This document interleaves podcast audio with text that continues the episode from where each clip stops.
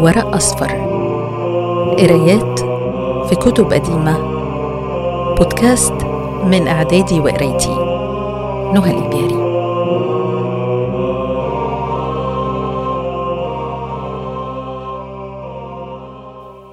كليلة ودمنة.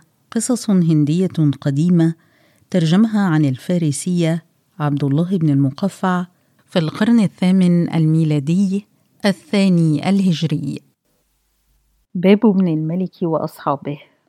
قال الملك للفيلسوف قد فهمت ما ذكرت ما يحق على الملك من التوخي بمعروفه أهل الشكر قربوا أم بعدوا فأخبرني ما بال الرجل السفيه يصيب الرفعة والشرف والحكيم اللبيب لا يخلو من الهم والجهد.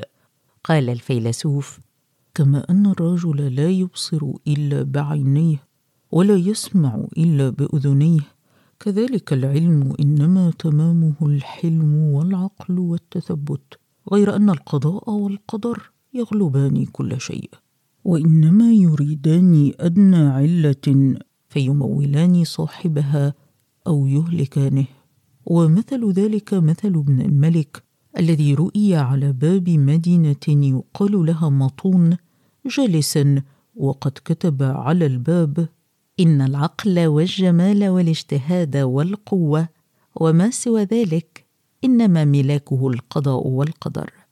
قال الملك وكيف كان ذلك؟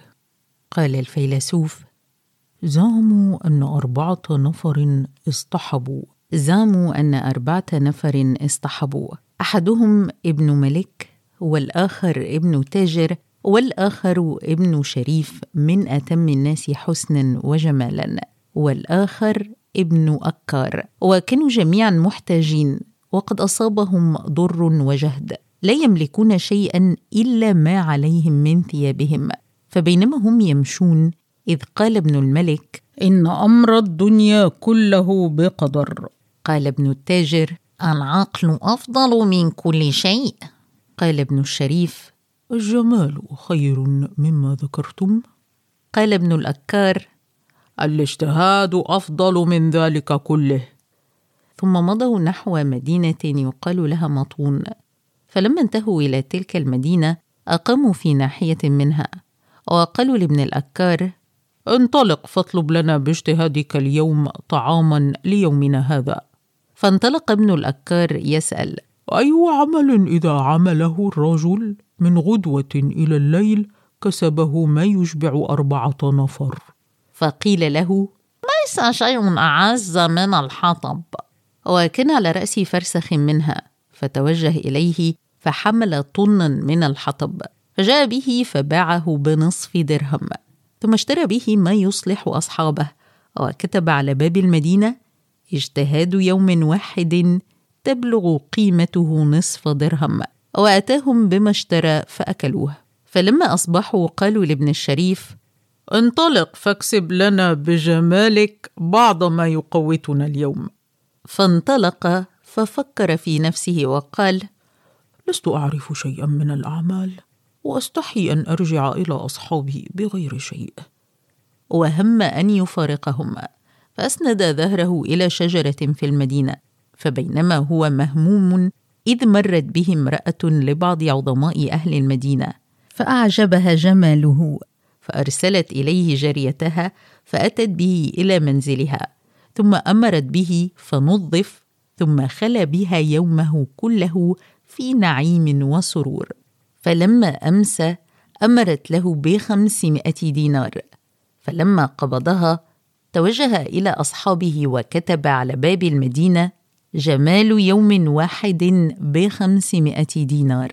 فلما أصبحوا قالوا لابن التاجر انطلق أنت اليوم فاكسب لنا بعقلك وتجارتك شيئا. فذهب ابن التاجر فما لبث قليلا حتى أبصر سفينة عظيمة في البحر قد أرست إلى الشط غير بعيد من المدينة.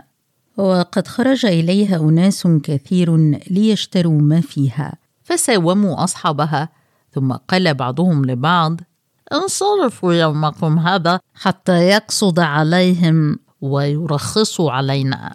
فجاء ابن التاجر فاشترى ما فيها بمائة ألف دينار. فلما بلغ القوم ذلك أتوه فأربحوه مئة ألف درهم.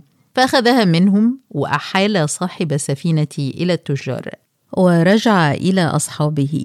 فلما مر بباب المدينة كتب عليها عقل يوم واحد بمئة ألف درهم.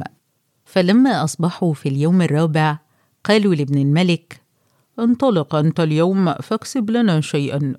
فذهب حتى أتى باب المدينة فجلس على دكان بالباب فقضي أن ملك المدينة هلك في ذلك اليوم.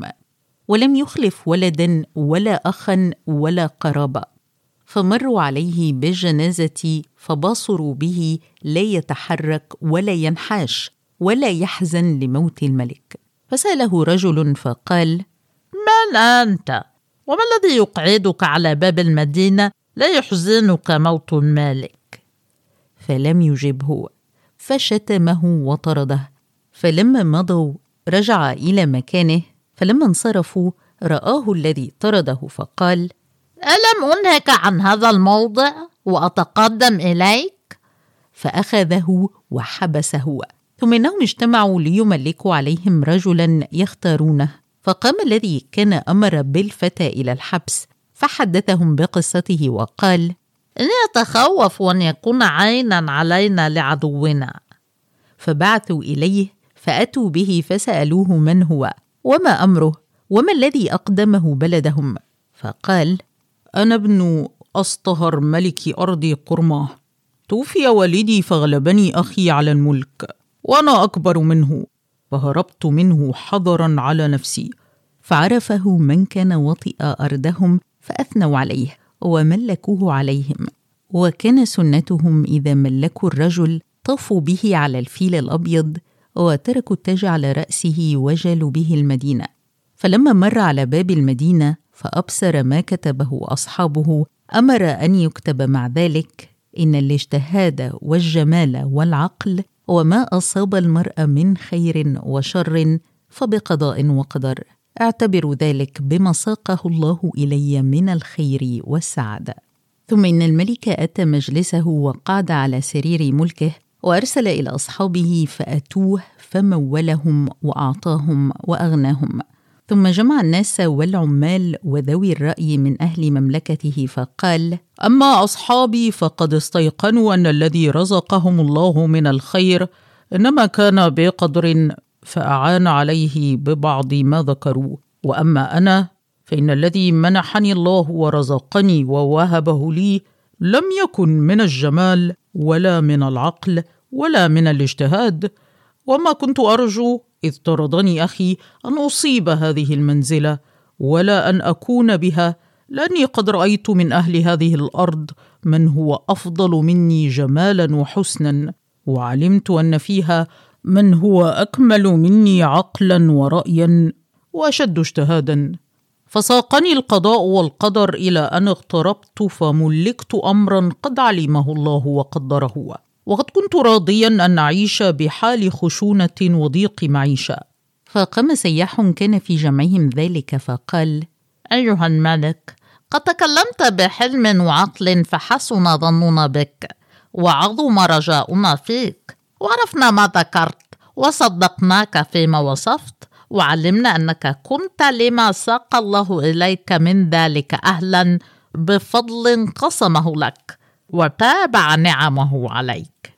فإن أسعد الناس في الدنيا والآخرة وأولاهم بالسرور فيها من رزقه الله ما رزقك وجعل عنده مثل ما عندك. وقد أرانا الله الذي نحب إذ ملكت علينا. فنحمد الله على ما أكرمنا به من ذلك وامتن به علينا. وقام سياح آخر فأثنى على الله تعالى ومجده وذكر آلاءه. وقال أيها الملك إني قد كنت وأنا غلام قبل أن أكون سائحا أخدم رجلا من أشراف الناس فلما بدا لي أن أرفض الدنيا فارقته وقد كان أعطاني من أجرتي دينارين فأردت أن أتصدق بأحدهما وأنفق الآخر فقلت أليس أعظم الأجر؟ أن أشتري نفسا بدينار وأعتقها لوجه الله فأتيت السوق فوجدت مع صياد حمامتين فسومته بهما فأبى أن يبيعهما بأقل من دينارين. فجهدت على أن يعطينيهما بدينار فأبى. فقلت لعلهما أن يكون زوجين أو أخوين فأخاف أن أعتق أحدهما فيموت الآخر. فاشتريتهما منه بالثمن الذي سمى وأشفقت إن أنا أرسلتهما إلى أرض عامرة. ألا يستطيع أن يطير من الهزال وما لقي من الجهد. فذهبت بهما إلى مكان كثير الرعي فسرحتهما فطارا فوقع على شجرة. ثم انصرفت راجعا. فقال أحدهما للآخر لقد خلصنا هذا السائح من البلاء الذي كنا فيه وإن لحقيقان أن نجازيه بفعله. فقال لي قد أتيت إلينا معروفا ونحن أحق أن نشكرك به ونجازيك عليه. وإن في أصل هذه الشجرة جرة مملوءة دنانير فاحتفر عندها فخذها فأتيت الشجرة وأنا في شك مما قال فلم أحفر إلا قليلا حتى انتهيت إليها فاستخرجتها ودعوت الله لهما بالعافية وقلت لهما إذا كان علمكما على ما أرى وأنتما تطيران بين السماء والأرض فكيف وقعتما في هذه الورطة التي نجيتكما منها؟ فقال لي أيها العاقل أما تعلم أن القدر يغلب كل شيء ولا يستطيع أحد أن يجاوزه أو يقصر عنه. ثم قال الفيلسوف للملك ليعرف أهل النظر في الأمور والعمل بها أن الأشياء كلها بقضاء وقدر ولا يجلب أحد منها إلى نفسه خيرا ولا يدفع عنها مكروها. وأن ذلك كله من الله عز وجل وأن الله يفعل فيها ما أراد ويقضي فيها ما أحب. فلتسكن إلى ذلك الأنفس ولتطمئن إليه القلوب. فإن ذلك لمن ألهمه الله ووفق له سعة وراحة. هوامش ومعاني هذه الحلقة. أكار حراث. لا ينحاش لا يكترث بالشيء.